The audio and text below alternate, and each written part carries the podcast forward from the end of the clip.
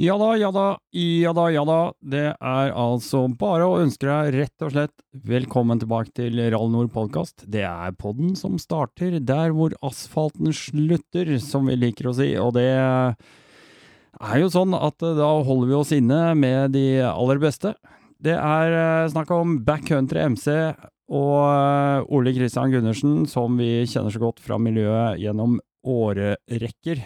Um, men vet du hva? I går så sitter jeg på Facebook, og så er det noe jeg veit at jeg har blitt veldig glad i, så er det disse Ashahi Tools som han uh, lagfører.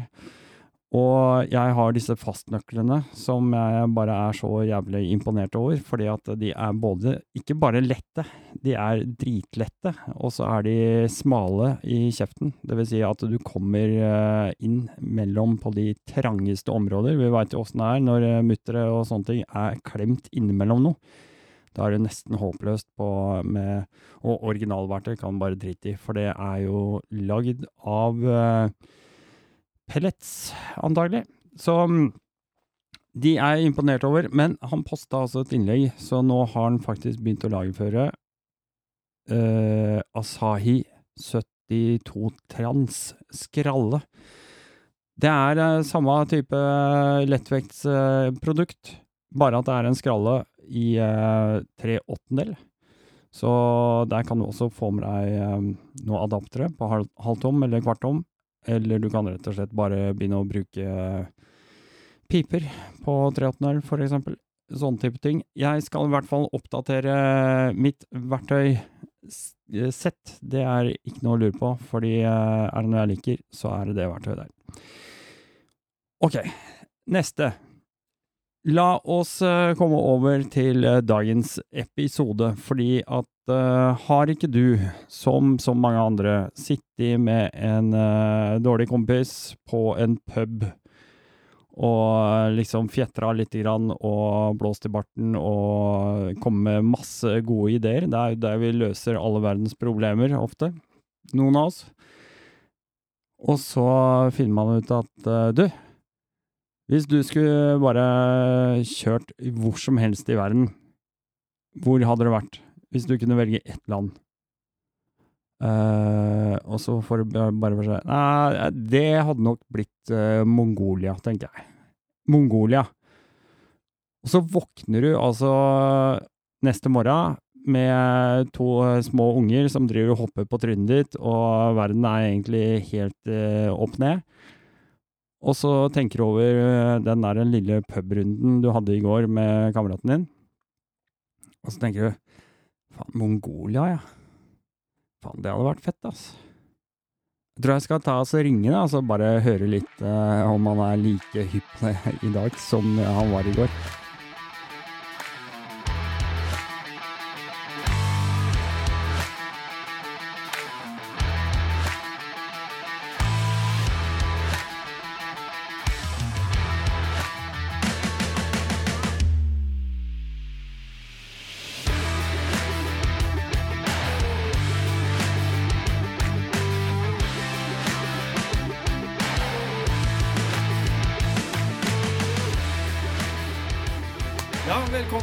Tilbake til en, eh, nok en episode av Rally Nord podkast. Det er selvfølgelig podden som starter ja, der hvor asfalten slutter, f.eks.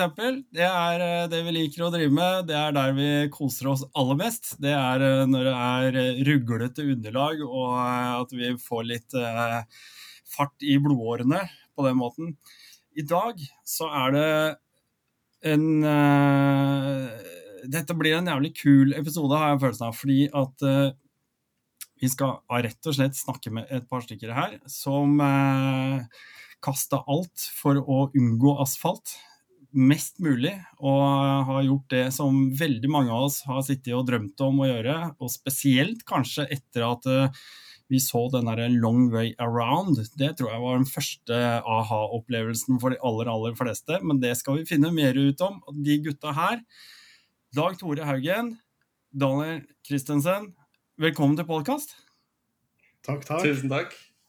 Ja, det var veldig hyggelig at vi fikk uh, være med her. Ja, Det skulle bare mangle. Det er rett og slett sånn at uh, dere har jo gjort uh, noe som uh, veldig mange har lyst til. og så posta en av dere noen bilder på, på OTC, tror jeg. fra en meget spesiell tur. Og da fikk jeg full tenning med en gang og sendte melding. Ja, hva er det dere har gjort? Den korte vi, versjonen, hva har dere gjort? vi har kjørt motorsykkel i Mongolia. ja, dritfett. Ja, det er så konge, altså. Dette må vi aldeles høre mer om. Men uh, skal vi ikke bare ta, så, ta den der kjappe, lille introen først? Skal vi begynne med deg, Daniel? Uh, ta den kortversjonen. Hvem er du? Eh, 33 år, tobarnsfar, bor på Lillehammer. Full jobb. Og ja, det som hører til med familielivet. det er sånn det er? Ja, det er Familiefella. sånn det er. Ja, veldig A4. Dag Tore? Jo, 45 år, jobber på Lillehammer jeg òg, og ingen barn. Og har da litt ekstra fritid. Litt ekstra fritid. Den, den uh, åh, Noen ganger så hadde det vært greit å ha litt sånn ekstra fritid. Jeg skulle ønske flere kunne hatt det også. Men det er hyggelig med begge deler, uansett. Eh, kanskje aller hyggeligst er det jo når eh, to gode kamerater finner ut at eh, nå, nå, gjør vi det bare. Dere har altså vært i Mongolia, men eh, da tenker jeg litt sånn Ja, du, du, sitter ikke bare på fredagskvelden med en pils og så bare bestiller to billetter til Mongolia. Jeg regner med at det dukker opp en eller annen plan her i forkant. Fortell. Ja, det var jo nesten sånn det var, da. Vi, vi, begge, ja, vi har jo begge sett uh, The Long Way Around og ble egentlig veldig inspirert av, uh, av den serien på hver vår kant. Og så mm. satt vi faktisk på en pub her på Lillehammer, uh, det var i 2019, i desember 2019. Og så spurte jeg Dag her om hvis han kunne velge ett land han kunne, eller ville kjøre i, mm. hvilket land hadde det vært? Og da svarte han Mongolia. Det må bli Mongolia. ja. Og den, den, tanken slapp ikke helt, så jeg ringte den dagen etterpå og spurte om en huska hva vi prata om. Og siden da så har det vel egentlig bare Har ballen begynt å rulle. Ja, ja. Ja, for det 2019 det begynner jo å bli et par dager siden, det også. Det, men, eh, men, det sier seg sjøl, det krever nok en viss planlegging. Men hvordan kommer man i gang? Altså, jeg skjønner jo alle, alle, gode ideer kommer jo fra et eller annet uh, sinnssykt hjørne i en bar. Men, uh, ja. men, men, liksom, OK. Hva gjør man da? Fyllesyken har lagt seg og nervene er under kontroll igjen. Hvordan er det man begynner å ta tak i disse tingene da? Ja, i hvert fall For min del så var det jo å begynne å smøre de hjemme og få dem med på det. Du må jo, du tar jo ikke en sånn tur uten å ha støtte hjemmefra. Nei, den ser jeg. Uh, så er det da å finne ja, budsjett. Hvilken budsjett vi skal legge oss på. Begynne å planlegge og, ja, rute, rett og slett. Mm. Mm. Årstid, når vi skal dra. Ja. Det var jo, ja, det var ikke plutselig Det blei jo plutselig en utfordring, ja. For i 20 så kom jo den eh, koronaen som vi ble så ja. kjent med. Ja. Men og det, det, gikk jo egentlig ganske greit. Ja, vi var jo på en måte Vi lurte jo på hvor lenge det kom til å vare, da. Hvor lenge mm. landet skulle være stengt og alt det der. Men uh, det ordna seg jo egentlig veldig fint. Um, og, og, Mongolia er jo et veldig kaldt land, og det regner egentlig veldig mye der i høst og vår. Spesielt i høst, mm. på høsten. Vi må jo på en måte prøve å ikke treffe de periodene. Mm. Så det var jo å finne ut når det var rimelig tørt. Det tror jeg var lurt. Det var lurt, for ene dagen ja. så hadde vi 31 elvekrysninger. Og det er kjedelig hvis det har regna i to uker. oh, ja, det, komme, det, må vi komme mer tilbake til, akkurat det der greiene der. Men, eh, men eh, altså, OK. Lander dere en dato? Er det sånn at uh, dere ser åpning i horisonten, koronaen er på vei uh, til å forsvinne fra verdens overflate, i hvert fall det vi hører om, og så tenker dere at uh, i, når er det dere nailer 23, liksom? Nei, vi, vi, satte vel egentlig mest et årstall, litt fram i tid, mm. rent sånn økonomisk og grei planlegging, da. for ja. da har vi ikke det stresset økonomisk med å å samle nok penger, rett og slett. Nei, nei, nei. Uh, Så vi, vi satte femårsperspektiv på det.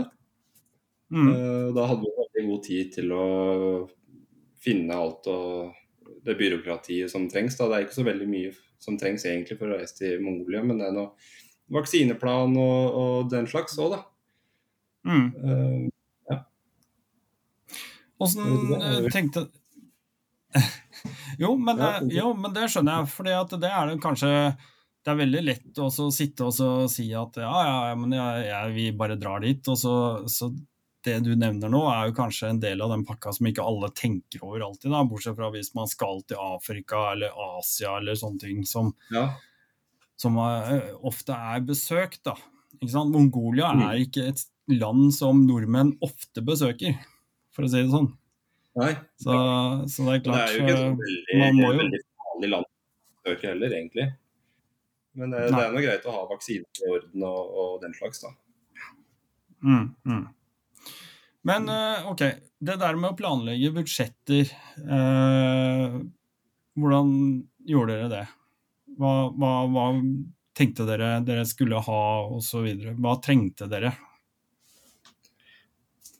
Der gikk vi jo ganske mye att og frem. Da, på, det koster jo litt å være borte òg, så man må jo betale lån og sånn når man er på tur. Og, og ting skal jo gå rundt hjemme. Ja. Så vi, men vi, ettersom vi hadde en femårsplan, da, så hadde vi i hvert fall eh, en god margin på hva vi skulle ha da, til å betale ting. Mm, Mm. Og eh, vi trappa vel ned litt på leie på sykler, da, så da ble det litt rimeligere å kjøre for oss. Mm. I forhold til de syklene vi kanskje tenkte vi skulle leie nedi der, da. For da har det vel okay. kosta den litt mer. Ja, og vi, vi planla og originalt å sende syklene vi har her i Norge, ned dit òg. Men det jo ble jo litt vanskelig, eh, for du må sende dem med tog gjennom Russland, og det, det lar seg ikke helt gjøre. i- I disse dager. Nei. Jeg hadde ikke, jeg hadde ikke sendt uh, noe som helst inn de, de, innenfor den grensa akkurat nå. Da hadde du ikke sett det igjen, i hvert fall. Det er helt sikkert. Men uh, OK, la oss uh, ta og holde oss litt ved det. Dere snakker om sende egne sykler. Hva slags sykler er det dere har? Jeg kjører Husqvarna 701 Enduro til vanlig. Mm. mm. Jeg kjører en liten 250 Yamaha VR. Det blei VR 250, det.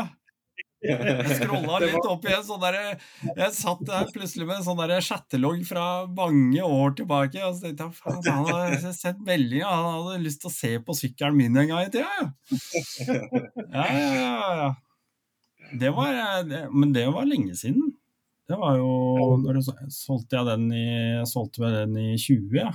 ja det tror jeg. Mm. Det er en stund tilbake, det. Absolutt.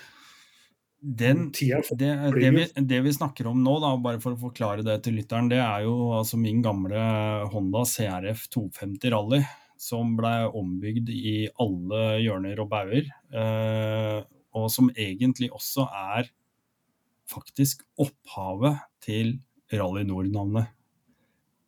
Det er ikke det Ja. verst. Nei, det er tøft. Så det er, det er en artig historie. Det er artig. Men, eh, men ja, den sykkelen var veldig fin. Jeg var veldig glad i den, altså. Men eh, sånn er det. Sånn er det. Men eh, OK, det blir vanskelig altså å sende sykler gjennom Russland, da. Det er forståelig. Det er litt for mye gamble å ta og ja, det er liksom ikke det? man gjør nå i disse dager. Nei. Og så er det klart at eh, med de sykla så hadde du jo fått én type tur. Du hadde fått en tur, tur med en 701, ikke sant? som det er bare å dra i rullen, og så skjer det ting tvert med en gang. Og dempere og justeringer og alt er eh, OK i orden. Og den VR-en også går jo relativt greit nok, gjør den ikke det? Jo da, absolutt. Ja.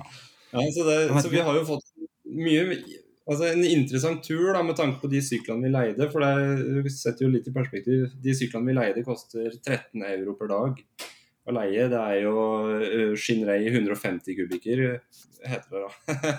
og det er jo uh, Alle de lokalene der sier jo at det er dårlige kinavarer, rett og slett. Og det er jo det det er. Den starta jo første dagen å dette fra hverandre, ikke sant. Så vi har jo med, med det da, så har vi jo kommet opp i mange artige situasjoner med lokalbefolkningen som, eh, som har prøvd å hjelpe oss så godt de kunne. og Uh, altså, har jo, vi har jo stått på sidegate der, og personen vi har møtt, har skrudd bolter fra sin egen sykkel for å hjelpe oss, ikke sant? Mm, mm. så det er Men, jo okay. Du får denne tur da, med en tipp topp sykkel hjemmefra. Men vi må si det, da. Det, det dere snakker om, er en Shinrai 150 kubikk, eh, kinesisk ja. uh, sykkel. Uh, ja. Men hvordan i all verden kom dere i kontakt med noen som skulle leie ut de syklene?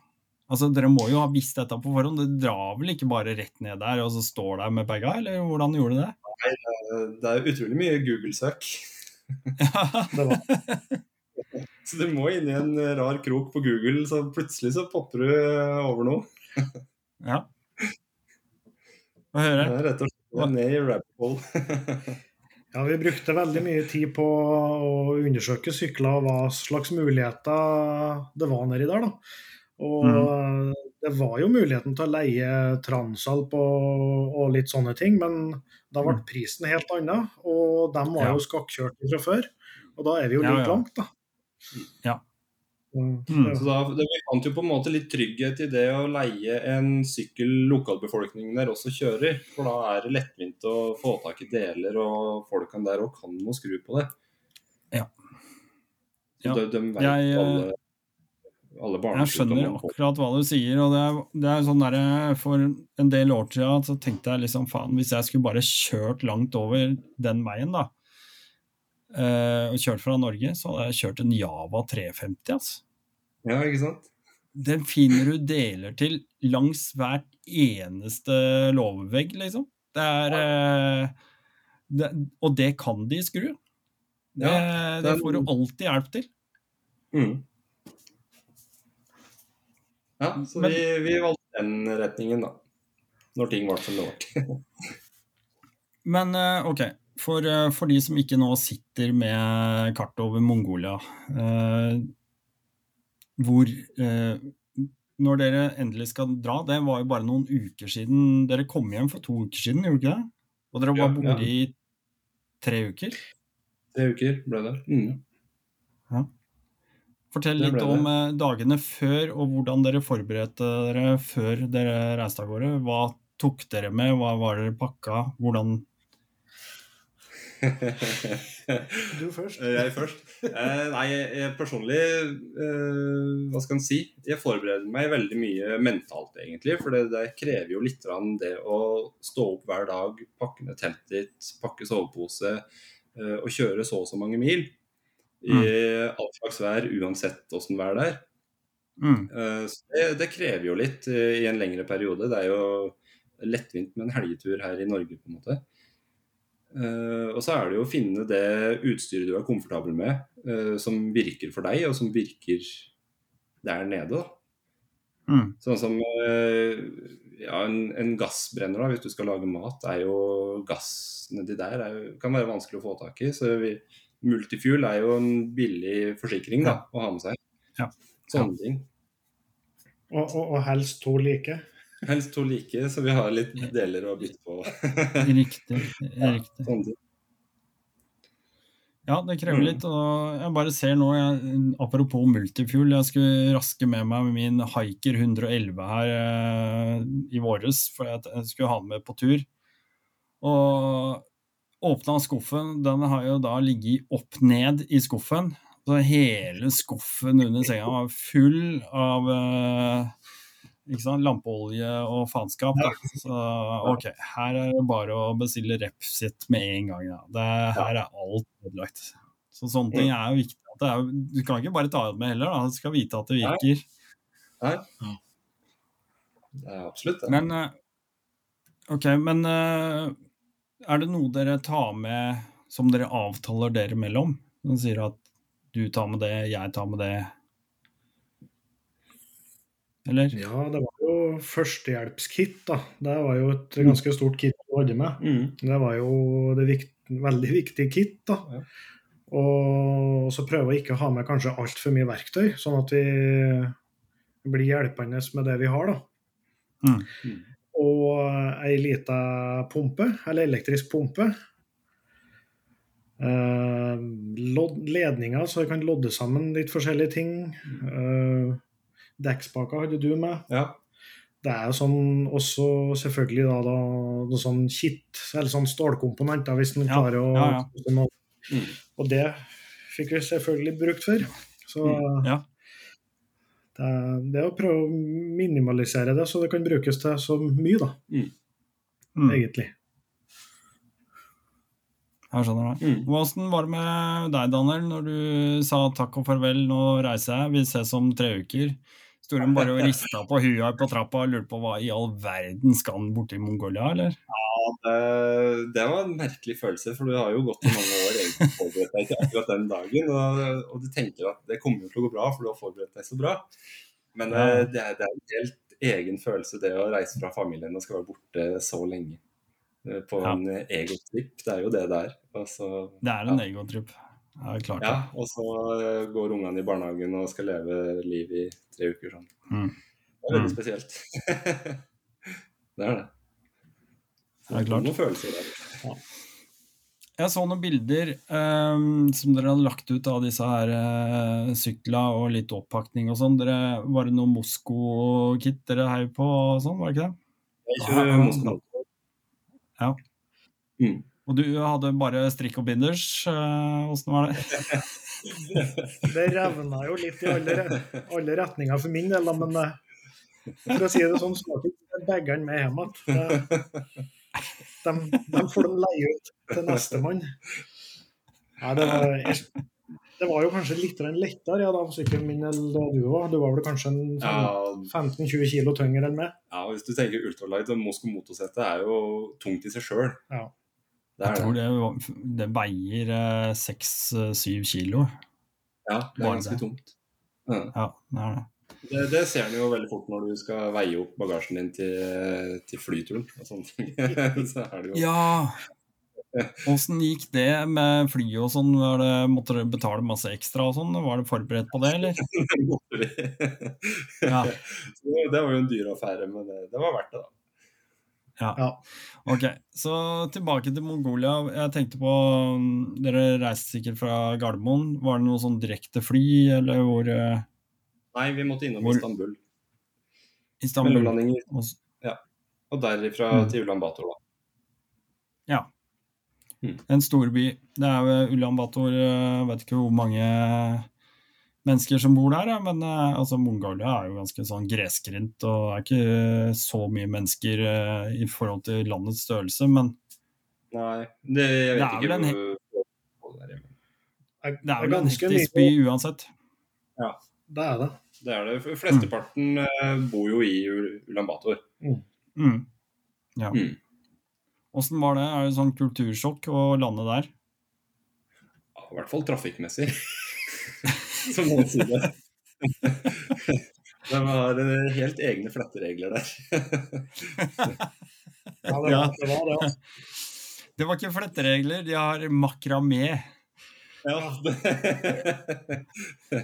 ja virkelig. Det, vi brukte litt tid på å forstå det systemet der, så vi, var, vi valgte å ikke kjøre inn i byen, rett og slett. Ja, vi gjorde det. Vi så jo vel tre smell på én drosjetur. Ja. Og såpass, ja. ja. Så Å, Du bruker støvfangeren. ja. De bruker den, ja. Ja, virkelig.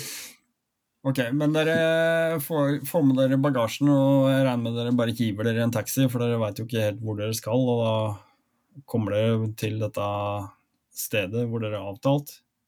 Ja, det var, det var jo ingen som sto og venta på noe skilt der med, åssen- med navnet vårt på, så vi måtte jo finne bagasjen og komme oss igjennom og ta ut en million.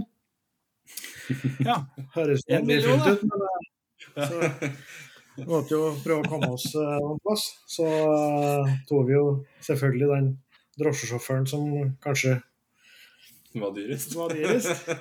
Og så for vi fant vel et hotell Inni inne i byen der, da. Mm. Så vi fikk landa litt sånn eh, psykisk og fysisk, for det, det var jo en Ok. litt lang reise over. Mm. Og, um, fikk jo slappe av der en dag før vi Mm. tok drosjen bort til det der vi skulle leie, da, som jeg har sendt noen mailer. Og så Hun var nok ikke forberedt på at vi kom. Why are you coming now? Why don't you mail me? Jo, det var nok litt Det var litt mangel på kommunikasjon der. Ja, og det, det merka vi ganske fort, da. Men uh, de syklene som Ja. sto der, de var ikke så fine. Nei, de var ikke det, nei. Nei, de var ikke fine, men vi måtte bare plukke ut dem som var fine, da. Så Ja. de start, ingen av syklene starta jo, så det var jo betryggende. Så de brukte litt tid for å styre på én, da. Så Daniel fikk kjøre seg en tur. Fikk de starte en ting, og da fikk jeg kjøre min tur. Ah, Så det var litt, litt spesielt, da. Så det var greit Ah. at ikke speedometer og alt virka. Det, it's not working, but OK. Så det, de kunne jo engelsk, så det gikk jo fint å kommunisere med, med Ja, dem. du var flink i engelsk. så. Ja, Og bare ser det for meg. Jeg ser det så godt for meg. Ja, det, var jo, det var jo kultursjokk å lande nedi der. Altså. Det, var vel kanskje Ja, ja, det var Åssen er, hvordan er liksom de, de folka altså, Det er jo sånn Why are you here today? Altså, Er det sånn hele veien, liksom? Er de skikkelig laidback og Ja, det, det er de veldig. Og det, det er egentlig veldig ålreite folk å ha med å gjøre. For alle prøver å hjelpe deg så godt de kan. Eh, Ja. Ingen vil deg noe vondt nedi der. og Det, det er jo veldig betryggende, egentlig. I hvert fall når du reiser med, med motorsykkel. For du er jo veldig sårbar, i hvert fall med tanke på tingene dine. og sånn. Det er jo veldig lett å snakke med seg noe. Så vi hadde ikke Ja. noen vonde opplevelser med det. og Det, det de egentlig stussa mest på, var jo eh, det at vi ikke hadde med oss noen support vehicles. For alle spurte om hvor mange support vehicles vi hadde med oss på en sånn tur. Vi sa at null. Da, da gikk den jo av skaftet, alle mann. ja. Det var veldig mye sånn. Ja, det var, det var veldig mye sånn. Så det var, nesten, det var liksom forventa forventa at du Ja, det ha er det. jo det. Det er jo blomstra opp veldig sånne organiserte turer og sånn nedi der. og Det er, Ja, det er jo sikkert det det er. Ja. Selvfølgelig. Det er kanskje ikke så mange som bare drar og leier to slitne 150 kubikkere. Det var nok ikke tror jeg. Ja, det høres ut som en veldig bra historie, altså.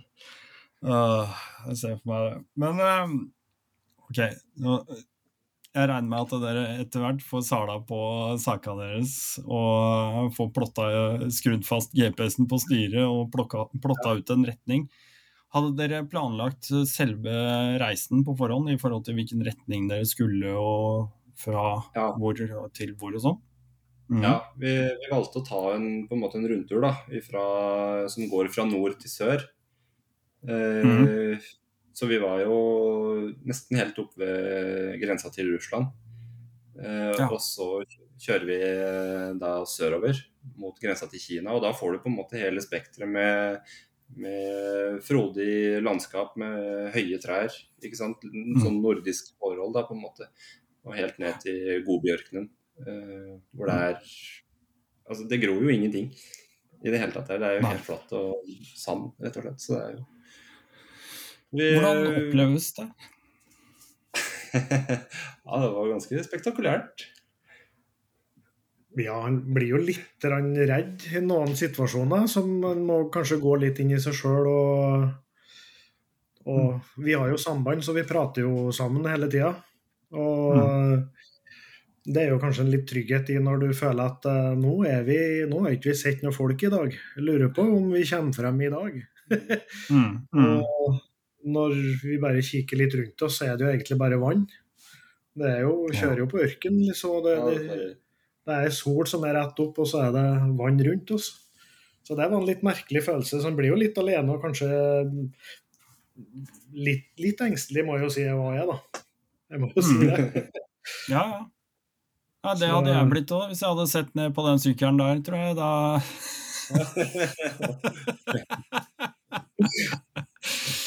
Men allikevel, jeg regner med det. Altså, jeg har sett noen sånne småsnutter av noen filmer dere har lagt ut og sånn, og det var jo Altså, det, dere har det jo gøy, da. Kjøre litt om kapp og absolutt. Vi har jo det.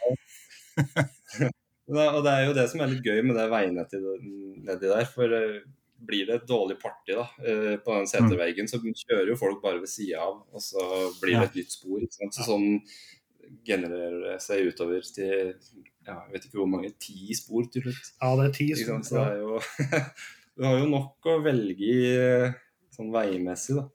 Så det er jo interessant, det.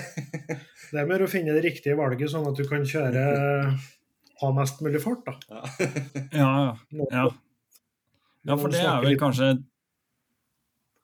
Det er vel kanskje et triks når du har en såpass sped motor at det er om å gjøre å holde hastigheten og tempoet litt oppe.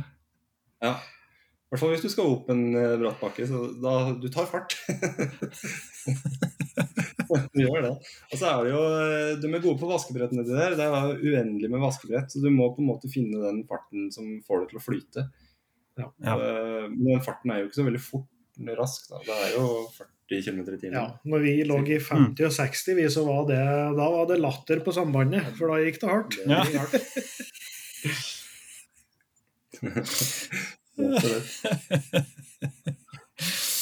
Men eh, ok, jeg regner med at eh, på disse her steppelandskapene så blåser det vel ganske heftig. Hadde dere Hvordan gjorde dere med overnatting? Du snakka til å begynne med her om at dere hadde jo vært deres telt og sånn. Ble det telt og overnatting hver eneste dag, eller? Ble det det? Det ble, det ble ganske mye telt, eh, gjorde det stort sett, men det var jo også for å faktisk nyte naturen litt ekstra, da. Mm. Så vi eh, fikk, vi fikk jo første natta. eh, der fikk jo Emen en liten smekk, da. Eh, Åh. Kanskje psykisk. okay. Ok. Nettopp har fått lagt oss og, i et nytt land og ja, en er kanskje litt skakka opp på hva som har skjedd om dagen og litt sånne ting. Og krø ned i posen og la seg godt, og der hører jeg noen som går utafor teltet. Og så snubler de i barduen min. Og tenkte jeg fy fader ullan. Og opp med lykta og lyste rundt teltet. Det var ingen. Ja. Nei. Så kan hende psyken spilte et lite pust der, da. Ble rett og slett uh, finta ut av en liten sånn illusjon. ja. Jeg tror det. Mm. Ja. ja. men vi hadde jo også vi hadde mye teltnetter. Men vi Mm. ja, nede i godbjørkene der, der hvor det er så varmt, så valgte vi å campe i sånne Geir uh, turistcamper. da. Det er i Ja. Ger, Ger-teltene. Er det sånne ja, Ja, er runde, det sånne? Ja. Ja. Mm. De er jo Det er jo en litt behageligere temperatur i dem. og så Ja. det å bli eh, godt å finne en, en seng, rett og slett. Ikke at det var så mjuk seng, det, det var det ikke. Men det, det var nå en seng. da. Ja. Litt opp på bakken og Ja. Mm.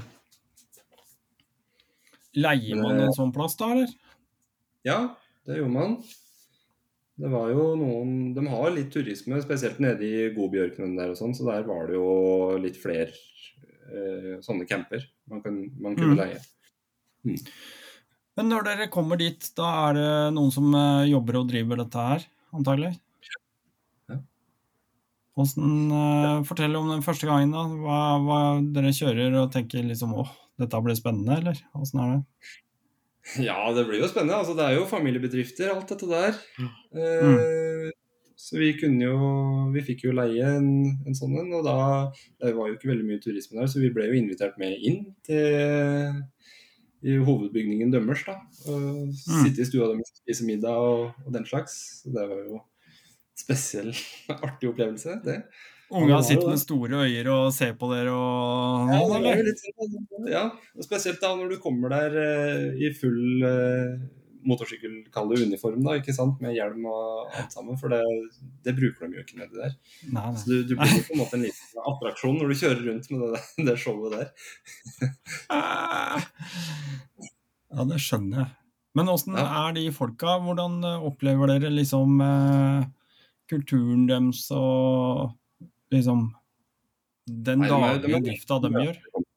Ja, de er veldig Mm. imøtekommende. Mm. De det er jo hardtarbeidende folk eh, som er sjølbergende med, med mat. og Alle har jo en flokk med geiter eller kuer og hest. Ikke sant? Så det går jo veldig mye i den slags. Og så driver de matoppnæring med sånn utleie av turistcamp. Det, men det er ja, de, sånn engelskspråklig og sånn er det jo litt så som så med der, så det ble veldig mye eh, tegnspråk, rett og slett, og kroppsspråk. Ja. men det funker, Visste ikke alltid hva dere spiste og sånn, eller? Nei, det Det var jo litt morsomt der vi var, og den vi prata på, for da når vi kom dit, så begynte vi med å fyre opp med kurskitt da, inn i ovnen. Og Og det er ikke noe ved der. det er ikke noe ved, så der kjører nei. vi og tørker skitt. Ja. Og ja. det var jo ikke Mange tror kanskje at det lukter, men det kjente jo ikke noe. Nei, ikke jeg. Og Nei, maten var jo er- utrolig god, da. Ja. Mm. Mm. Ja, eh, bra mat. Så det, Ja, det er utrolig. Mm. Ja, det er fett. Ok, men uh, disse syklene, det, det er jo ikke noen racersykler dere har. Fortell. Hva er første, første som skjedde med en eller annen ja, det første som vippa meg av pinnen, var jo når vi prøv, prøvekjørte. Ja, det var eh, faktisk det. Ja, øh, og vi kommer rundt kvartalet. Og det er jo øh, Der er vi litt tilbake på det med vaksiner. Den rabiesprøyta er jo gull verdt. Eh, For det første som skjer runde hjørnet, er jo en løshund som jeg Nei. føler skal drepe meg. Ikke oh, sant? faen. Og da får man jo på en måte ilddåpen med den sykkelen, da. Eh, Men jeg, ja, den slakka noe tå etter hvert, den, den bikkja. Det, det er, ja, man tenker jo hva, hva er det vi har driv, Hva er det vi driver med nå? Ja. Ikke sant? Er det dette her vi skal drive med en måned, liksom? Ja, for du sa jo ikke ifra til meg at det var ei løsbikkje der, så når jeg kjørte rundt, så fikk jo jeg samme Samme anfallet. runde. Du gjorde det, ja? Ja. Jeg glemte det på turen. Nei, så, så ble vi nå ferdig med den, eh, den runden der. Og da når vi leide, eller sa vi skulle leie sykkelen da, og, og reiser ut eh, derifra, så kom vi jo ikke så veldig mange kilometer før, eh, før jeg mista skiltet mitt. Da, da begynte vi å røsse fra hverandre. jeg kjørte bak, og jeg så det var et eller annet som skjedde, og så bare spruta det biter. Og så sier jeg på sambandet du må stoppe, det spruter biter av sykkelen din, sier jeg. Og vi fant jo igjen stordelen, da, Ja da, vi fant uh, Ja. på skiltet og Og fikk teipa det på at, så vi, med svartteip. med svartteip, så vi kjørte videre. Var det plastikk der, eller? Nei, det var Men Det var så vet, tynt metall, vet du. Det Ja. var helt Ah, okay. det, det, alle veier det er så dårlige veier, så det rister jo sønder og sammen. Alt der. Ja, altså, når, når dere kjører ut fra dette stedet, fullt oppakka, fått på hjelmen og kommunikasjon og alt sammen, og dere kjenner liksom hvordan dette her Disse to hjula må jo motarbeide alle følelser i kroppen. Vi gjør Det. Er bare så Og trafikken var jo syk da, når vi skulle ut derifra, så vi måtte jo prøve å kjøre oss gjennom sånne imellom biler, som, biler og lastebiler. Ja. Og det var jo ikke en eneste mopedist eller motorsyklist å se, for dem kjører jo ikke der. Nei, Og, for det er livsfarlig. Ja, det er jo det. Ja, det er det. vi, eh, vi tok det pent da. Ja. Vi ble jo på en måte litt varme i trøya etter hvert. Altså, vi begynte jo å, Ja. å splitte ved kjørebaner og, og sånne ting. Men det, det var noen av de lastebilene som jeg ikke hadde en spesielt god følelse med. Ja, de har ikke noe Nei, og- sidegitter, vet du. Det er jo fort gjort at du kommer Ja, utover. Ja. Så, Og så er det vel ikke noe Euro 6 akkurat heller, de der bilene der. På ingen måte. På ingen måte. Altså, kommer du, når det blir tofelt og sånn, ikke sant, og du får, eh, får biler imot deg, så eh, de får nok tak i noe B-vare til noen biler, tror jeg, nedi der, fra Kina eller et eller annet. For det, er- om rattet sitter på høyre eller venstre, det spiller ingen rolle. Og det blir jo litt kinkig, da, eh, Ja. når de skal ta en forbikjøring, for da må de jo helt over i andre kjørebane for å se om det kommer trafikk imot. Så da må man være litt tung, rett og slett, når man er liten motorsyklist på, på Norge. Nei, det, er- det er bare høres så helt eh, himla sinnssykt ut. Det er herlig. Men eh, fortell uh, Hva dere blir kanskje litt kjent med de syklene etter hvert, men hva var det Du snakka om en eller annen kar som hjalp deg med å ta, plukke noen deler av egen sykkel og sånn. Hva er det som skjedde etter hvert?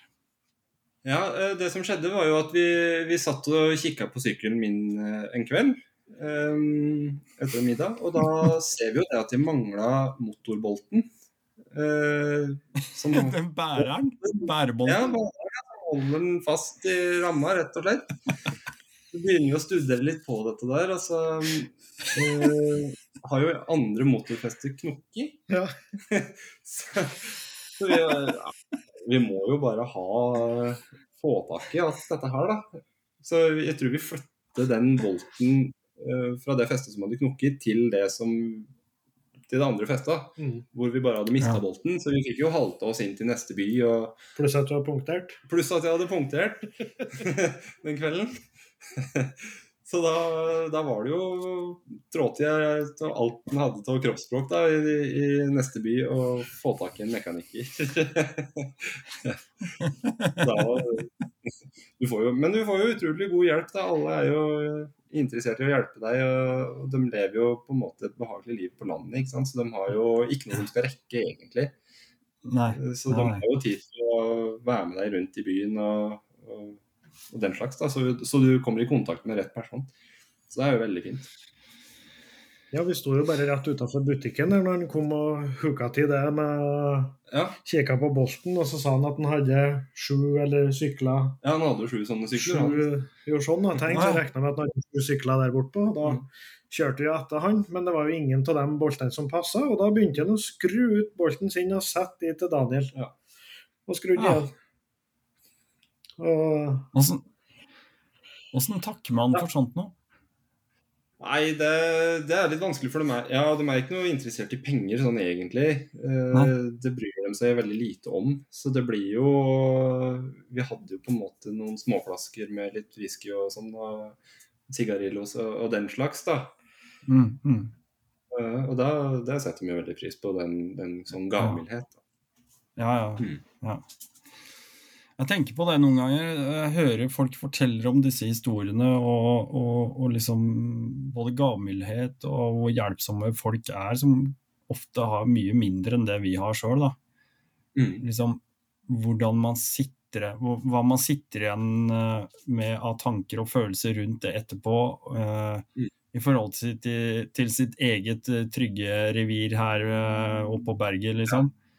Ja. Eh, hvordan vi på en måte distanserer oss mer. Fordi at vi mm. orker ikke å, å engasjere oss. Vi vil helst eh, lengst unna mm. mm. på mange måter. da, altså Ikke, ikke overfor kompiser og sånn, det er ikke det jeg snakker om. Men eh, vi er litt mer distansert. Ja, vi er absolutt det. Og det får en jo til å reflektere litt over det der, da. Mm. Ja. Har jo på en måte Får jo litt lettere for å ta kontakt med den som kanskje trenger, det, trenger litt hjelp der og da. da. Mm. De er jo veldig ja. Jeg tror ikke de er nysgjerrige, men de vil, det, de vil i hvert fall sjekke hvordan det går med det. Så hvis mm. du står ute på ei slette, så plutselig så kan det stå en med en hest bak deg, og, eller, og, ja, ja. og så kikke på dem, liksom, og hvis du gjør sånn og mm. det er liksom greit, så går han videre. Ja, Hvis du har noe problem, så har du sikkert kunnet fått hjelp av han. Ja, ja. Mm. Så ja, de, de, var jo interessert i å bare sjekke om alt sto bra til. Så... Det var mye sånn? Ja, det var det. Det var veldig mye til det. Det er jo mm. litt artig, da. Du driver egentlig dine egne tanker ute på en sånn åpen slette. Og driver og setter opp telt og, og eller lager mat eller et eller annet, og plutselig så det blir jo som ånden i lampen. Plutselig så er den der. Ja. det er jo ikke hørt at den har kommet noen ting. Og det bare står der og spør om, vi har det bra. ja, Dæven, hvor det skvatt mange år. ja, jo. Du tror du er helt for deg sjøl. Nei da, plutselig så står den der. ja, da gjør vi et eh, ørlite avbrekk i eh, denne ordinære podkastepisoden. Alle episoder av Rall Nord podkast er jo selvfølgelig sponset og levert av uh, patrons av uh, kanalen. Og uh, det er uh, absolutt sånn at hvis du har sittet og hørt på dette ganske lenge nå, Vi har jo tusla gått noen år. Så følger du kanskje et lite snev av samvittighet, så kan du også bli patron ved å gå inn i shownotes. Der ligger linker til diverse, alt fra patron til nettsiden www.rallynord.no. Bli patron i dag. Og så kan du eh, være med og sponse kanalen med to til fire liter bensin i måneden. Det er ikke altfor meget, det er det ikke. Men eh, det er bare å finne ut mer ved å gå inn eh, i linken under. Det er altså de som holder dette gående, og det er klart, de får jo litt igjen. De får alle episodene levert lenge før alle andre, og de får dem uten musikk, uten reklame, uten dilldall, som jeg sier, og de får gjerne litt sånn backstage, litt ekstra. Og ja, tusen hjertelig takk til alle patrients. Det har uh, absolutt vært av enorm betydning. Så bli patrient du også i dag. Ja, det er, det er jo Det er jo et helt uh, fantastisk Det må jo for oss da, veldig sånn eksotisk eh, liv, da. Mm. Bare leve ja, på den måten her, ut av naturen ja, og ute på steppelandskapene. Ja, det virker jo veldig befriende, på en måte, å mm. ha, ha, en sånn liv, livsstil. Mm. Er det noe eh, man tenker over når man kommer hjem? Man er jo, vi er jo så bundet til alt mulig. Jeg sitter noen ganger og forbanner meg sjæl for at jeg sitter og scroller på den jævla telefonen med en gang jeg har to sekunder ledig. Ja. Uh, jeg, jeg, kjenner sjøl at jeg blir irritert på meg selv fordi at jeg tok opp telefonen, liksom. Mm. Det er jo artig med en sånn tur. Uh, for vi, vi prata jo egentlig mye om det at ting i Mongolia da, på en sånn tur fikk litt annen verdi. Mm. Eh, det var jo mm. ikke den telefonen eller det kameraet nødvendigvis som vi tok opp og fikla med. For det, det, mister egentlig litt verdi på en sånn tur. Det er jo heller den eh, mm. primusen eh, du har med deg, og ha den i tipp topp. Eh, mm. Se over verktøysettet ditt, sånne ting, da. Og, og ikke minst sitte og se på sykkel, og ja. se hva for noen deler som mangler i dag. Ja, ja. Og så bare nyte landskapet. Fordi ja. du har telefondekning nedi der. Det er, eh, det er, ingen som kontakter deg. Og du får ikke kontakt av noen. så det er jo Og ting, ja, ting mist, eh, får en annen verdi, rett og slett. Det er egentlig litt deilig, da. Ja, det var kjempedeilig. Absolutt. Det var det. Hadde dere med noe sånn InReach eller sånne ting, eller? Ja, vi hadde med en InReach Mini. Vi hadde det. Mm. Send meldinger hjemme hver dag? Ja, det ble vel en tekstmelding eh, hver dag. Det ble jo ikke noe mm. samtale, men det ble jo ble en tekstmelding. Nei, nei. nei, men det er en grei funksjon, i hvert fall på denne Inrichen, at du liksom kan sende en melding og skrive AOK, ja. liksom. Det er eh, mm. Og så deler du posisjonen din, så de ser jo hvor du er. Ja. Det er jo litt betryggende for dem å se at, at flytter seg. Ja.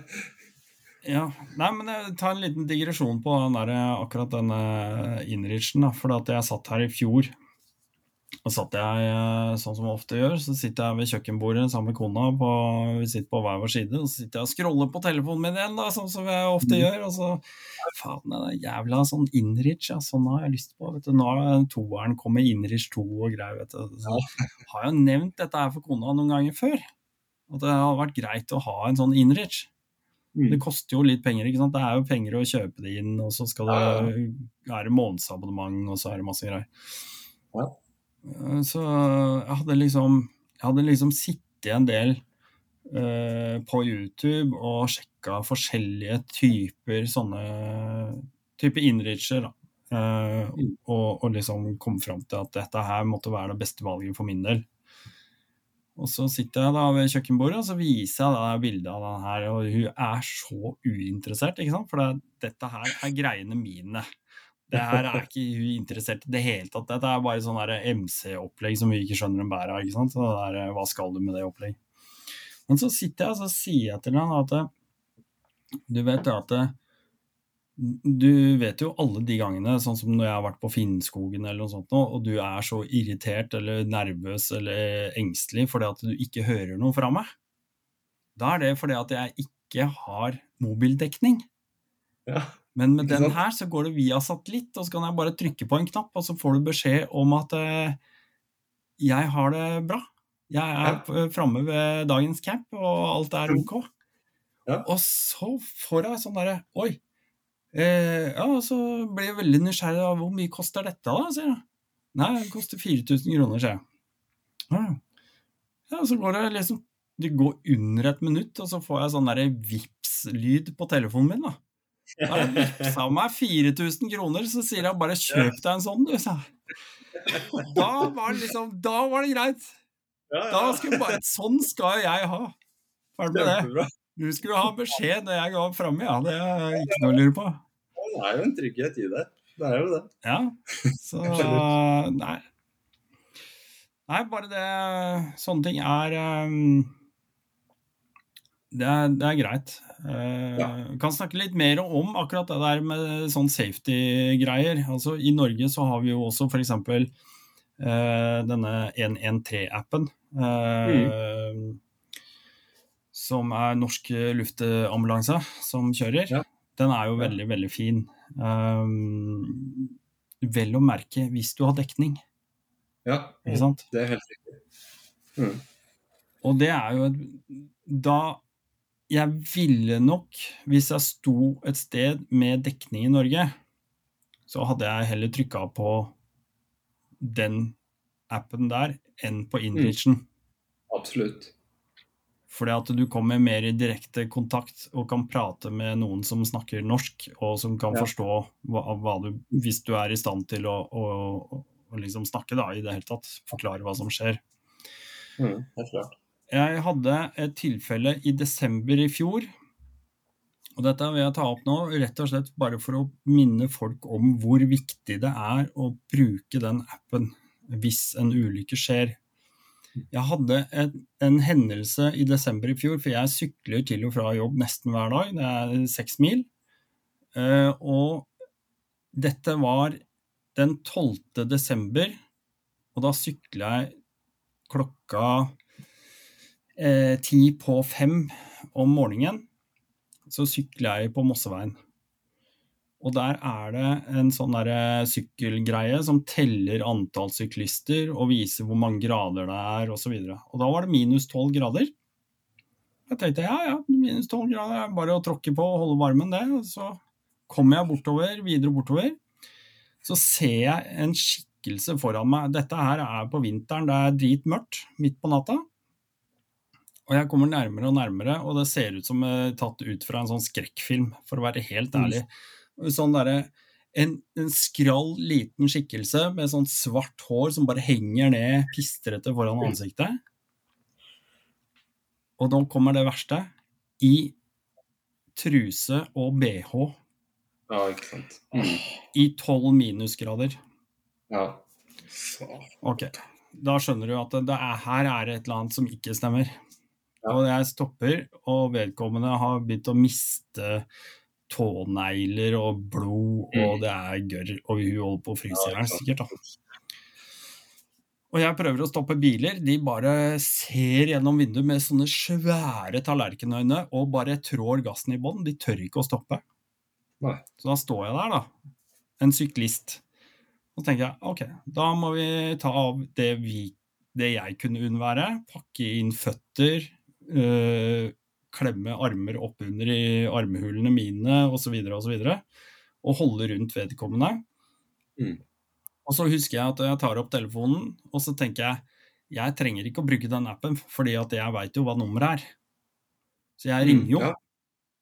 Hei, det er ikke sant, sånn og slik. Og så kommer det som er kardinalen.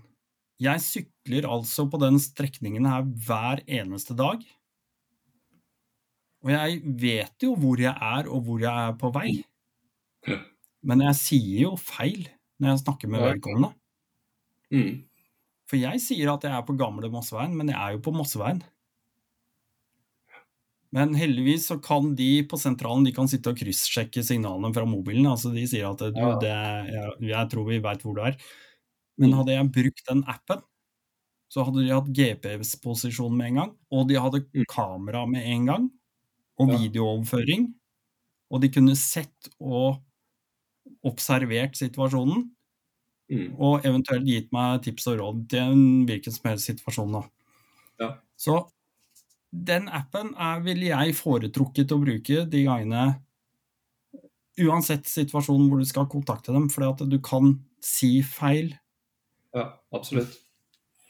Så det var bare en lang digresjon.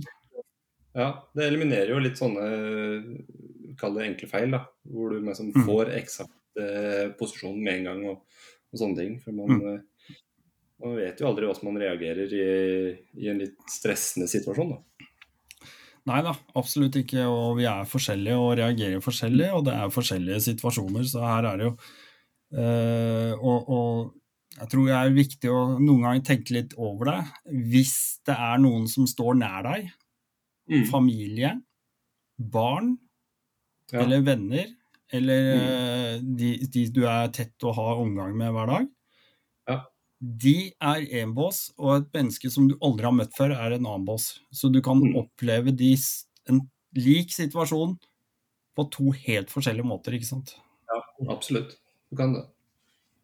Så det er litt viktig, tenker jeg, bare Ja, helt klart. tenke litt over sånne ting. Hvordan gikk det med dama, forresten? Ja, var, nei, jeg hadde jo, hadde jo kontakta med sentralen, og de fant meg De kom på tolv minutter. I løpet av de tolv minuttene så tror jeg jeg prøvde å stoppe fire eller fem biler. Uh, og rett før ambulansen kom, da var det faktisk en sånn Mesta-bil som stoppa på egen fri vilje og rygga tilbake og satt på de der gulblinkera og lurte på om han kunne hjelpe. Men jeg hadde jo sentralen på, så jeg visste at de var 30 sekunder unna.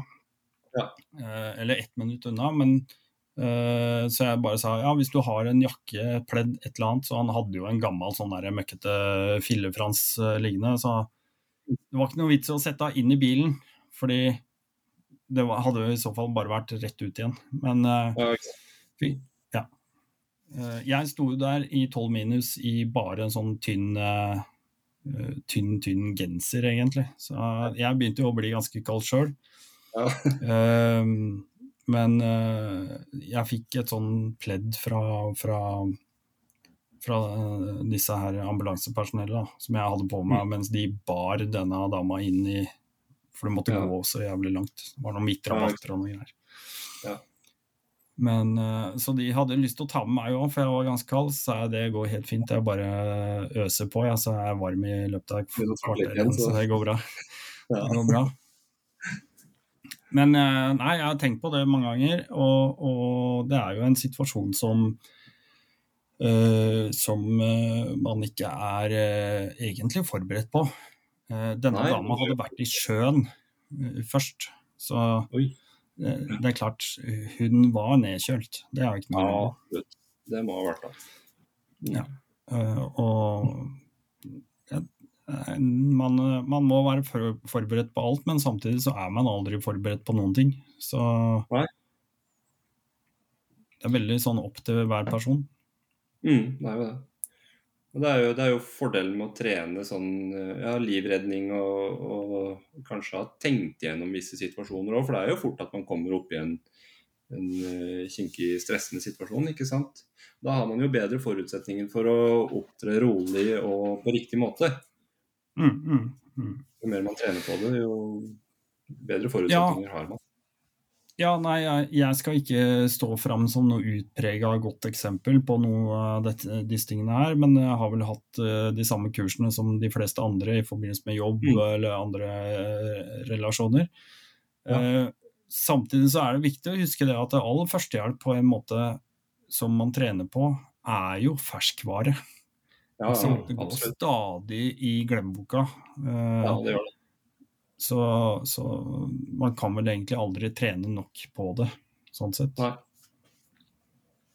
Men det er greit å ha visst om det. Ja, helt klart. Mm. Men nok om meg. Det var ikke meg det skulle handle om.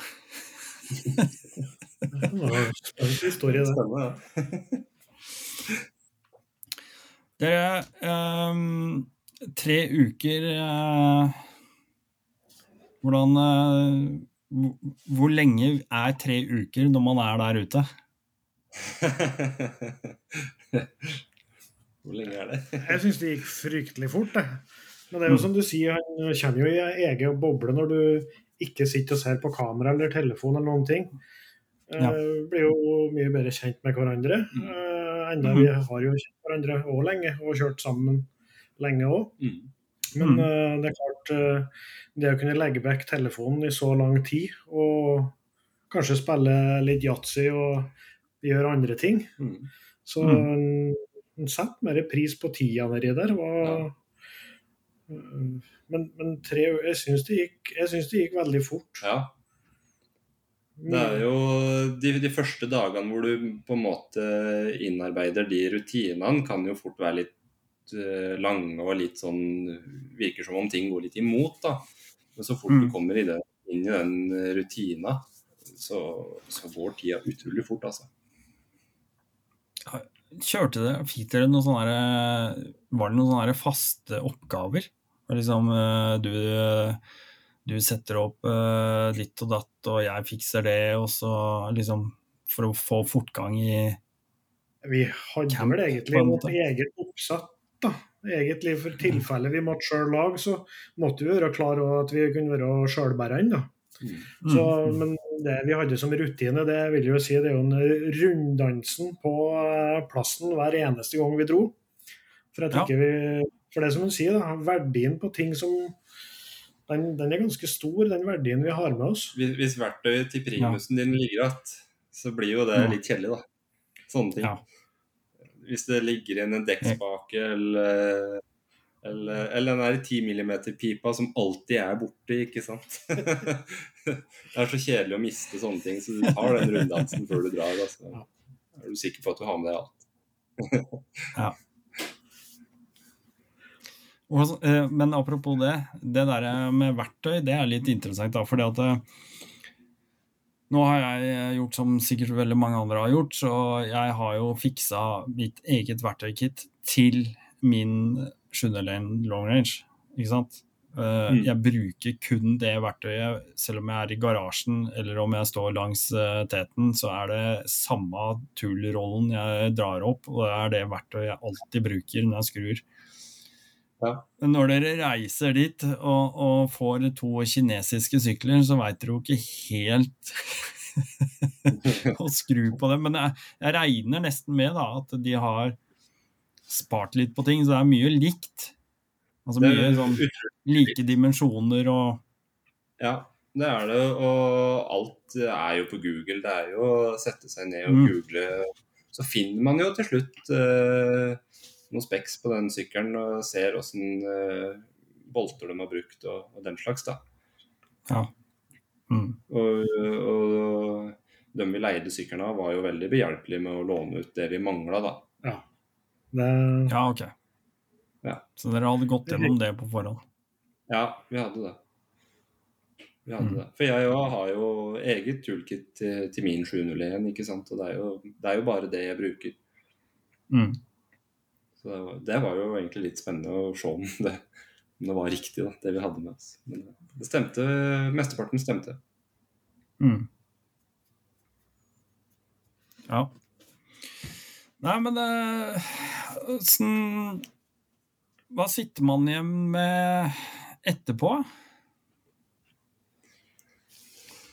Nei, man sitter igjen med mye gode opplevelser. Eh, man skal ikke være redd for å gjøre en sånn tur. Uh, Nei. Nei, det er jo ja, utrolig mye artige historier. Som vi, Svarte som vi til forventningene? Svarte dere til forventningene? Ja, jeg må si det. ja, det var vel kanskje langt over, over forventningene, da, fordi å kunne få igjen den der barndomsdrømmen med å kjøre moped på seterveier, der Mm, ja, ja. eh, du med. Så det å kunne kjøre innover fine postkort eh, på dagevis, det var jo en drøm i seg sjøl. Så Ja. en, ta en liten ferje Ja.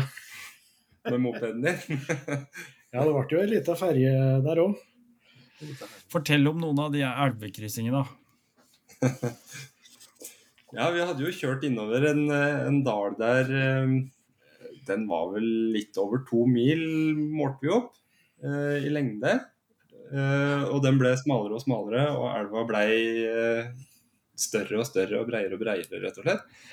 Vi lurte jo på egentlig altså, Vi er jo klar over det at vi kommer til et punkt som heter point of no return. Med tanke på, Ja. på drivstoff og, og den slags. Mm. Men eh, vi må jo pushe den litt, så vi kjørte nå Vi kjørte nå alltid litt til, da. Så kommer vi til den elva, og der eh, Vi ser jo ganske fort at vi, vi får ikke syklene over der. U uten noe hjelp, i hvert fall. For det Det var tre meter juft der, og det var såpass bredt at eh, vi har ikke hatt sjans å få dem over. Så Men vi hadde litt eh, Vi var jo ikke halv tank ennå, så vi hadde jo mulighet til å kjøre lenger. Ja. Men ja. det var jo skikkelig usikker på om vi kom oss over eh, der. Men Mm. eh, vi var jo kanskje litt Sola var jo skikkelig på den dagen, og vi var ordentlig varme. Og eh, ser jo det at den, vi vurderer jo kanskje å snu. Mm. Men så så jo det satt noen ved elvekanten bortpå der. Mhm. Og, Også med motorsykkel. og, også med motorsykkel.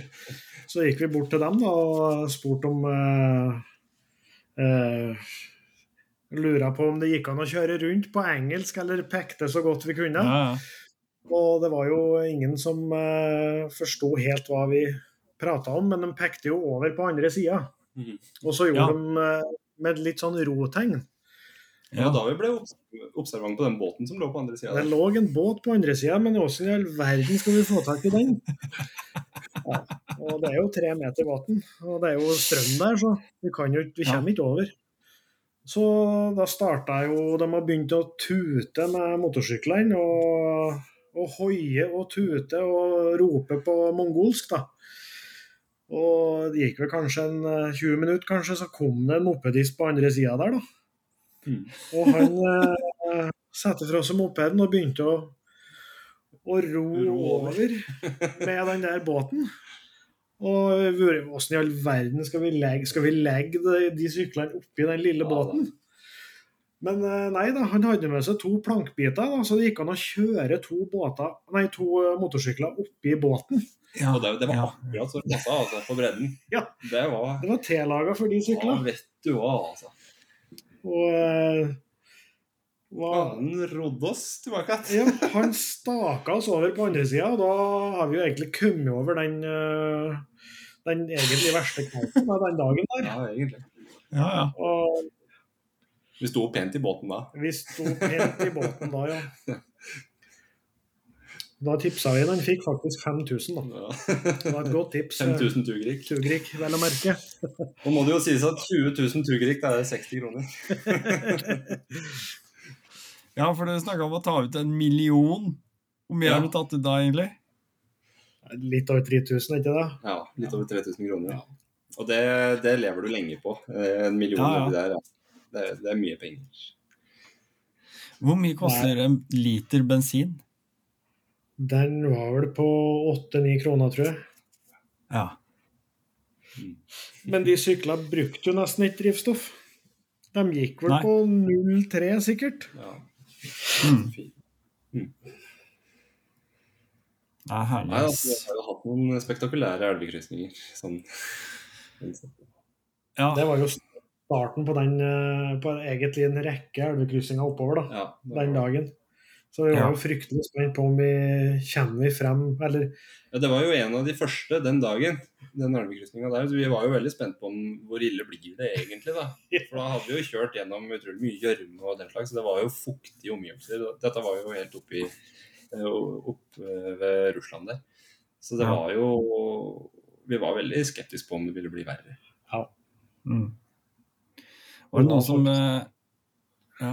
Nei, altså, jeg, eh, den derre den der følelsen av å komme seg oppover i en dal og måtte krysse elva flere ganger, den har jeg opplevd sjøl. Du veit liksom aldri neste krysning, er det liksom Hvordan blir dette her? Ja. Men det er greit at uh, dere ikke fikk noe verre etterpå, da. Nei, det, det ordna seg jo veldig greit, det. Vi, vi fikk jo litt god hjelp av en, en lokal en der som viste seg å være general i, uh, i Forsvaret i, i, Mongolia der. Og han uh, visste jo om noen veier utenom de verste elvegrytningene der, da. Heldigvis. Ja, ja. Så det var jo fint å treffe på han. Rolig, rolig person. Rolig, sindig kar. Ja. Han kjørte hardt, da. Han kjørte hardt med stråhatt. med stråhatt. ja, når, når, det sies hardt, da, så snakker vi om 50. Ja. 40 og 50 ja, timen innover der. Det var fort for oss. ja, men det holder, det. Det holder, det. Men åssen er det å navigere oppover? Ja, der, eh, der, eh, Jeg er ikke veldig imponert over Garmin, da, for å si det sånn. For eh, sånn i, i praksis så har jeg fulgt en rosa strek på et hvitt ark. Ja. det er det jeg har gjort. Ja, ja. En dag her har jo hatt noe bedre kart som har brukt uh, en telefon og, og lasta ned ordentlig kart. Men uh, Garmin sine kart er veldig dårlige nedi der. Mm. Men det stemmer, da. Det streken har nå vært på veien, i hvert fall. Men du har ikke mm. så veldig mye landskap å navigere etter. Uh, nei, jeg skjønner jo det. Men hvilken kart kartapp var det du brukte da, Dag Tore? Brukte Osman. Osman ja, okay. Den var, var, ganske fin nedi der. Vi ja. hadde med oss totalt fem GPS-er, egentlig. Ja, tar, ja, må vi ta med telefoner òg. Ja, vi hadde jo på telefonene, og jeg hadde med meg en tab da, i tilfelle. Mm. Så det var det var et greit tilfelle du skulle knuse en par GPS-er, så er det Da blir det hardt å kjøre. Daniel hadde jo papirkart og kompass, ja. da, men eh, Ja, ja. ja. Det, du veit vel ikke helt når det papirkartet ble laga heller. Så. Nei, akkurat det. Så det var litt så som så. Men jeg, jo, jeg brukte jo GuruMap på, på, telefonen min, og det var jo ypperlig kart. Da. Det funka bra? Ja, helt, mm. helt perfekt. Kult. Åssen lader dere alle disse devicene underveis? Jeg tenkte på det nå plutselig. Fem GPS-er i alt. Og tenkte ok, vi må ha strøm. Man, man, man lader så batteriet koker. Rett og slett. Vi hadde jo to powerbanker. Jeg hadde med to powerbanker i hvert fall. Eh, mm. Man lader hele tida absolutt hele tida. Og det batteriet likte nok ikke det veldig godt. Nei, Du kobla jo på ekstra. da. Det var jo en uh, vanlig uttak for USB, Ute. som var ferdig laga for sykkelen. Mm. Og så ja. kobla du på en ekstra en til ja. Garmin. Så, ja, det, ja, Garmin, ja. Og så hadde jeg en, en til til drona mi. Ja, du hadde det, jo. ja, Så dere kobla på sykkelen, rett og slett? Ja, lade, ladeuttak. Ja, ok. Mm. Mm. Men er, du, du, sparer på strømmen, da. På en måte Du gjør det. For du, ja. du får ikke lada en powerbank eh, i løpet av dagen. Det tar deg tre dager hvis du ikke bruker den. Så du, du ser stadig prosenten blir lavere og lavere. Ja. Ja, Disse greiene må jo jobbe ganske bra når de er nede der, tenker jeg. Ja, de gjør Det Det er vel ikke noen kryssreferanser med GPS-signaler og sånne ting. Så Nei, jeg mener Hva er det jeg sier for noe? Uh, GSM. GSM. Ja. Det gikk veldig bra å ha telefon og lade. Da, en, da sto den på 100% da, hvis ikke du brukte andre mm. ting. Så jeg klarte å holde full lysstyrke mm. og navigasjon hele dagen på, på, telefonen min, i hvert fall. da. Mm, mm. det er viktig det der, eh, å velge riktige kabler også til lading. Ja, det gjør det. Eh, faktisk. Ja. Det er uh, slett ikke alle kabler som klarer å lade riktig amperestyrke til den devicen du skal ha. Nei. Noen krever minimum tre, fire og fem mm. ampere, ikke sant. Ja. Så da er det viktig at du har en leder som klarer å levere. Ja, absolutt. Så er det jo hver gang du er inne og spiser lunsj, da, hvis du velger å ta det på en ja, litt sånn restaurant, så er det jo å ta med seg en powerbank og spørre om å få lov til å lade litt. Ja, ja. Sanke der det er mulighet. Ja, ja. ja restaurant, ja. Åssen var de besøkende? Var det det er vill retning på hva du spiser, i hvert fall for deg. Du har ikke peiling? Nei, jeg har ikke peiling, så du, du peker jo bare på noen kråketegn, og så får du eh, ja, en gryte av noe slag med noe kokt geitekjøtt. Eller Det var, mye, det var mye kjøtt nedi det, men vi var ikke helt sikre på hva slags kjøtt vi Nei. spiste. Men veldig lite krydder og sånne ting. Men Ja. kurant. Og grønnsaker. Ja, lite grønnsaker, men helt kurant. Det er Det er ikke helt vegetarvennlig, da. Hvis man, eh, hvis man er det, så bør man tenke litt gjennom det på en sånn tur.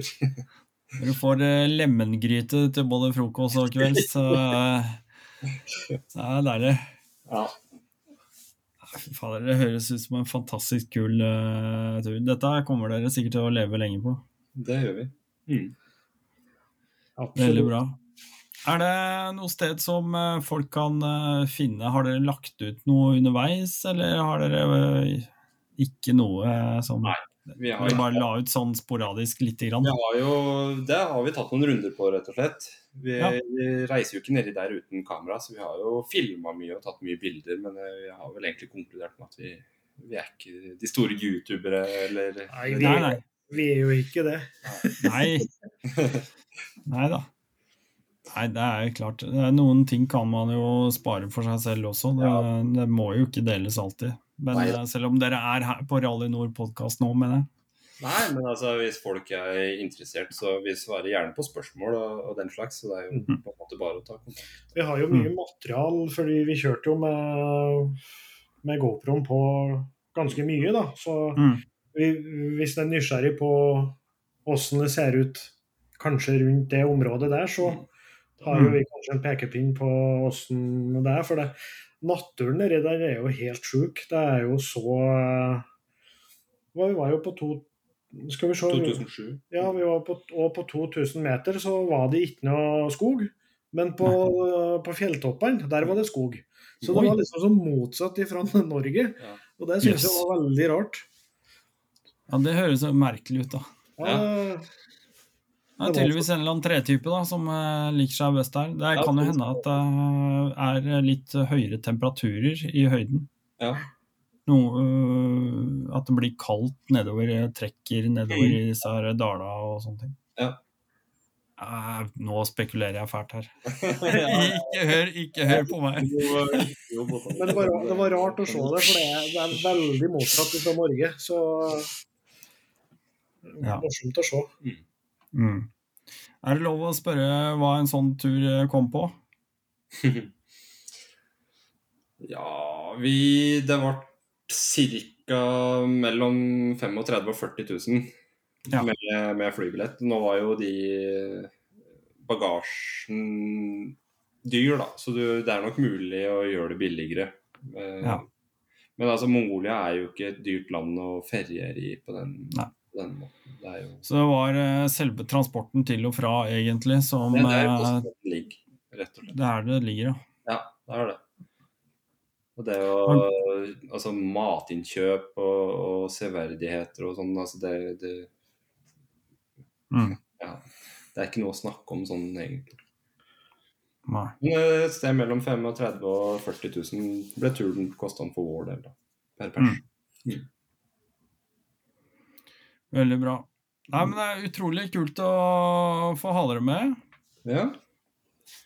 Det var utrolig hyggelig å få lov til å være med på podkast. Det er jo det. Ja. Vi får vel sikkert prøve å skrive opp uh, mer hva som er sunt med de syklene, men uh, vi var jo litt spesielt når vi var nede i Gobi Desert der, da.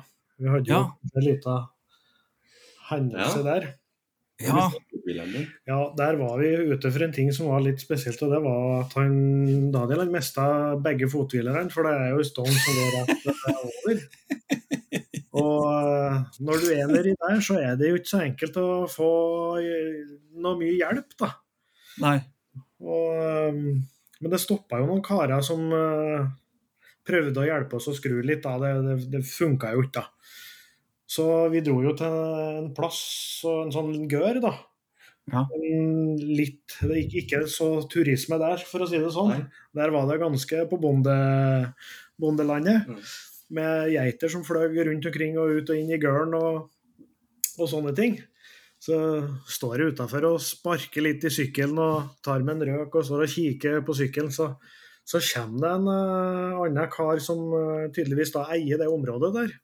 Ja. Så, så spør han uh, problem sin. Eller jeg vet ikke om han sa problem, da, men så måtte jeg peke på fothvilerne til Daniel, og så måtte jeg si djut. Måtte sveise. Liksom, ja, ja, ja. Og da da peka han på seg sjøl, og så sa han djt, sa han. Men så pekte han fingeren bort i et skur. Djt, sa han. han hadde sveiseapparat, han. han hadde sveiseapparat, han. Og det var et lite, nett sveiseapparat han fant. Og jeg sprang inn i gøren til Daniel og Se hva jeg fant i Mongolia Desert! Det sveiseapparat! Og han hadde jo eh, aggregat på, på, bilen sin, han. Altså, han starta jo opp aggregatet, og vi sveisa sammen fothvilerne, vi. Ja, ja holder jo hele turen hjem. Dag kan jo sveises, men han vil ikke sveise. Ja. Har jo fagbrev som sveiser. Han hadde ikke sett en sånn sveis før, han. Nei, jeg tror kanskje ikke det. Nei. Ordna seg. Holdt hjem. Fothvileren. Ja. Bare verstand. Det er kult, da. Endelig, endelig etter, etter, liksom 25 år på bedriften, så skal jeg endelig få brukt det der greiene til noe ordentlig fornuftig. Ja, det er, det er bra. Og så remote, da. Det var jo så langt unna alt som har med sveiseapparat å gjøre. Så det var fryktelig morsomt. Ja, fantastisk kult, ass. Mm. Åssen blir det nå hvis du når dere sitter med vennegjengen rundt og dere sitter og prater, og det er liksom bare dere som Åssen er det å dele disse her eh, samme opplevelsene, på en måte? Folk er jo veldig nysgjerrig på, på hvordan vi har hatt det og hvordan vi har gjort det og, og den slags. Så mm. det er jo Nei, det er ikke noe problem, det. Det er gode historier. Det er gode historier. Ja. ja. Jeg skjønner det. Jeg skjønner det godt. Er det noe vi Skal vi oppsummere med noe, eller er det noe jeg burde ha spurt om, eller noe dere sitter med og tenker at det burde jeg egentlig ha sagt, eller er det Jeg tror vi har vært gjennom det meste. Prata litt på høydepunkter, da. Om det er noe spesielt som eh, Ja, ja, du prata jo på det før òg, som vi satt litt ekstra igjen med. Og mm. det var jo campinga på 2700 meter. Mm. Den eh, syns jeg var litt spesiell. Det var litt artig å kunne kjøre over kjøre der, da. Kjøre sykkel så høyt. Ja. Hadde du stjerneklart og sånn, eller? Yes. ja, det var det faktisk. Det var det. Det, det må være helt rått å helt, være helt der og Det så ut som et fyrverkeri med, med, med Melkeveien inni. Mm. Og det, mm. Det var som egentlig å se på et stort uh, kinolerret med, ja, med stjerner. Det var så sykt. Det var spektakulært. Ja. Mm. Ikke noe lysforurensning der, da. Nei. Nei. Det er akkurat det. For det der det klarer vi nesten ikke å komme oss unna her eh, til lands. Nei. Nesten uansett hvor du er, så har du en eller annen uh, lysforurensning. Eh, Alle som har vært ute i båt eh, sent på kvelden f.eks., de ser jo sant, Med en gang du ser lys på himmelen borti horisonten, så veit du at det er en liten by eller et tettsted som ligger der. Mm. Altså, det, er, det, er alltid noe da, som, som tar eh, ja, noe lys som er eh, kunstig og falskt. Ja, det er det. Men eh, det må være en utrolig kul opplevelse å bare kunne ligge og se rett opp i eh, stjernehimmelen sånn. Da føler du deg liten, tenker jeg. Når du er på 2700 meter i Mongolia og ser opp der, da tenker du oi, shit. Ja. Kommer noen tårer, da kan folk gjøre ja. ja, det òg. ja. Mm. ja. Kult, altså. Ja, så ellers Men, har du vært igjennom det meste, tenker jeg. Ja. Men du, eh, Dag Tore. Ja. Tusen hjertelig takk. Jo, takk for at vi fikk være med. Fikk plutselig en, jo, men jeg fikk plutselig en melding her i går om at du hadde blitt patron. Yay! Ja, vi må jo støtte. Ja, nei, det var utrolig hyggelig. Jeg vil uh, uansett bare si det, og benytte sjansen til det. Litt sånn egenreklame. Denne podkasten er ikke noe uten at jeg har noen patrients som, uh, som uh, kan donere en liten slant i måneden, og det er jo dette er jo ikke en podkast som er driftet på uh, med rent profittjag. Det her er rett og slett bare for å holde ting flytende. Så disse, alle disse små uh, tingene, de, de monner og de, de, mm. hjelper og bidrar godt. Uh, så tusen hjertelig takk. Ingen som skal føle seg tvunget, men hvis du føler deg kallet, så er det veldig hyggelig. Så uh, nei, jeg vil uh, bare ønske dere lykke til da, med neste store målsetning. Det må vel skje noe igjen? Eller stopper her? India. India, ja. Hørte du India? Hørte du India? Det er veldig kult. Ha den hengende i lufta, dere, og så prates vi kanskje plutselig bare en dag? Det gjør vi nok helt sikkert. Supert. Tusen hjertelig takk. Jo, likeså. Sjøl takk. Shalabais!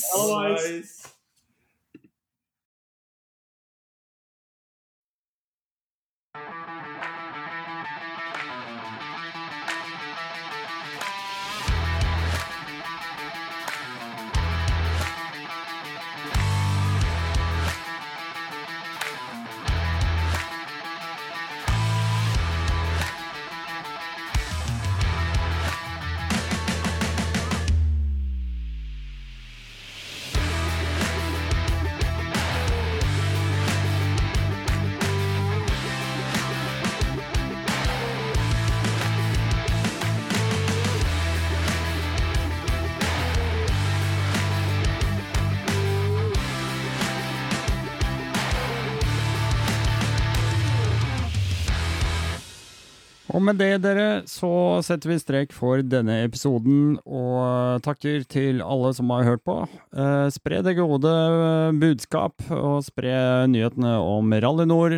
Det hadde jeg satt veldig stor pris på. Men jeg ønsker avslutningsvis å rette en ekstra takk til eh, Dag Tore, som etter dette opptaket valgte å bli patron. Det satte jeg veldig stor pris på, og så avtalte jeg med han at vi ses på Bukkerittet. Men problemet var at uh, jeg rakk aldri å møte Dag Tore på Bukkerittet, fordi han hadde et fall og dro av noe ribbein og noe greier, så han valgte å rett og slett trekke seg hjemover. Med det, så, og alle dere andre som har uh, sluppet styret, som jeg liker å si, så ønsker jeg riktig god bedring. Og eh, så ses vi på jula så snart det er mulig igjen. Men heng med, husk å abonnere, husk å like, husk å gi meg alle de stjernene, og husk å gi meg omtaler. Det hadde jeg satt ekstremt pris på. Until next time, shalabais.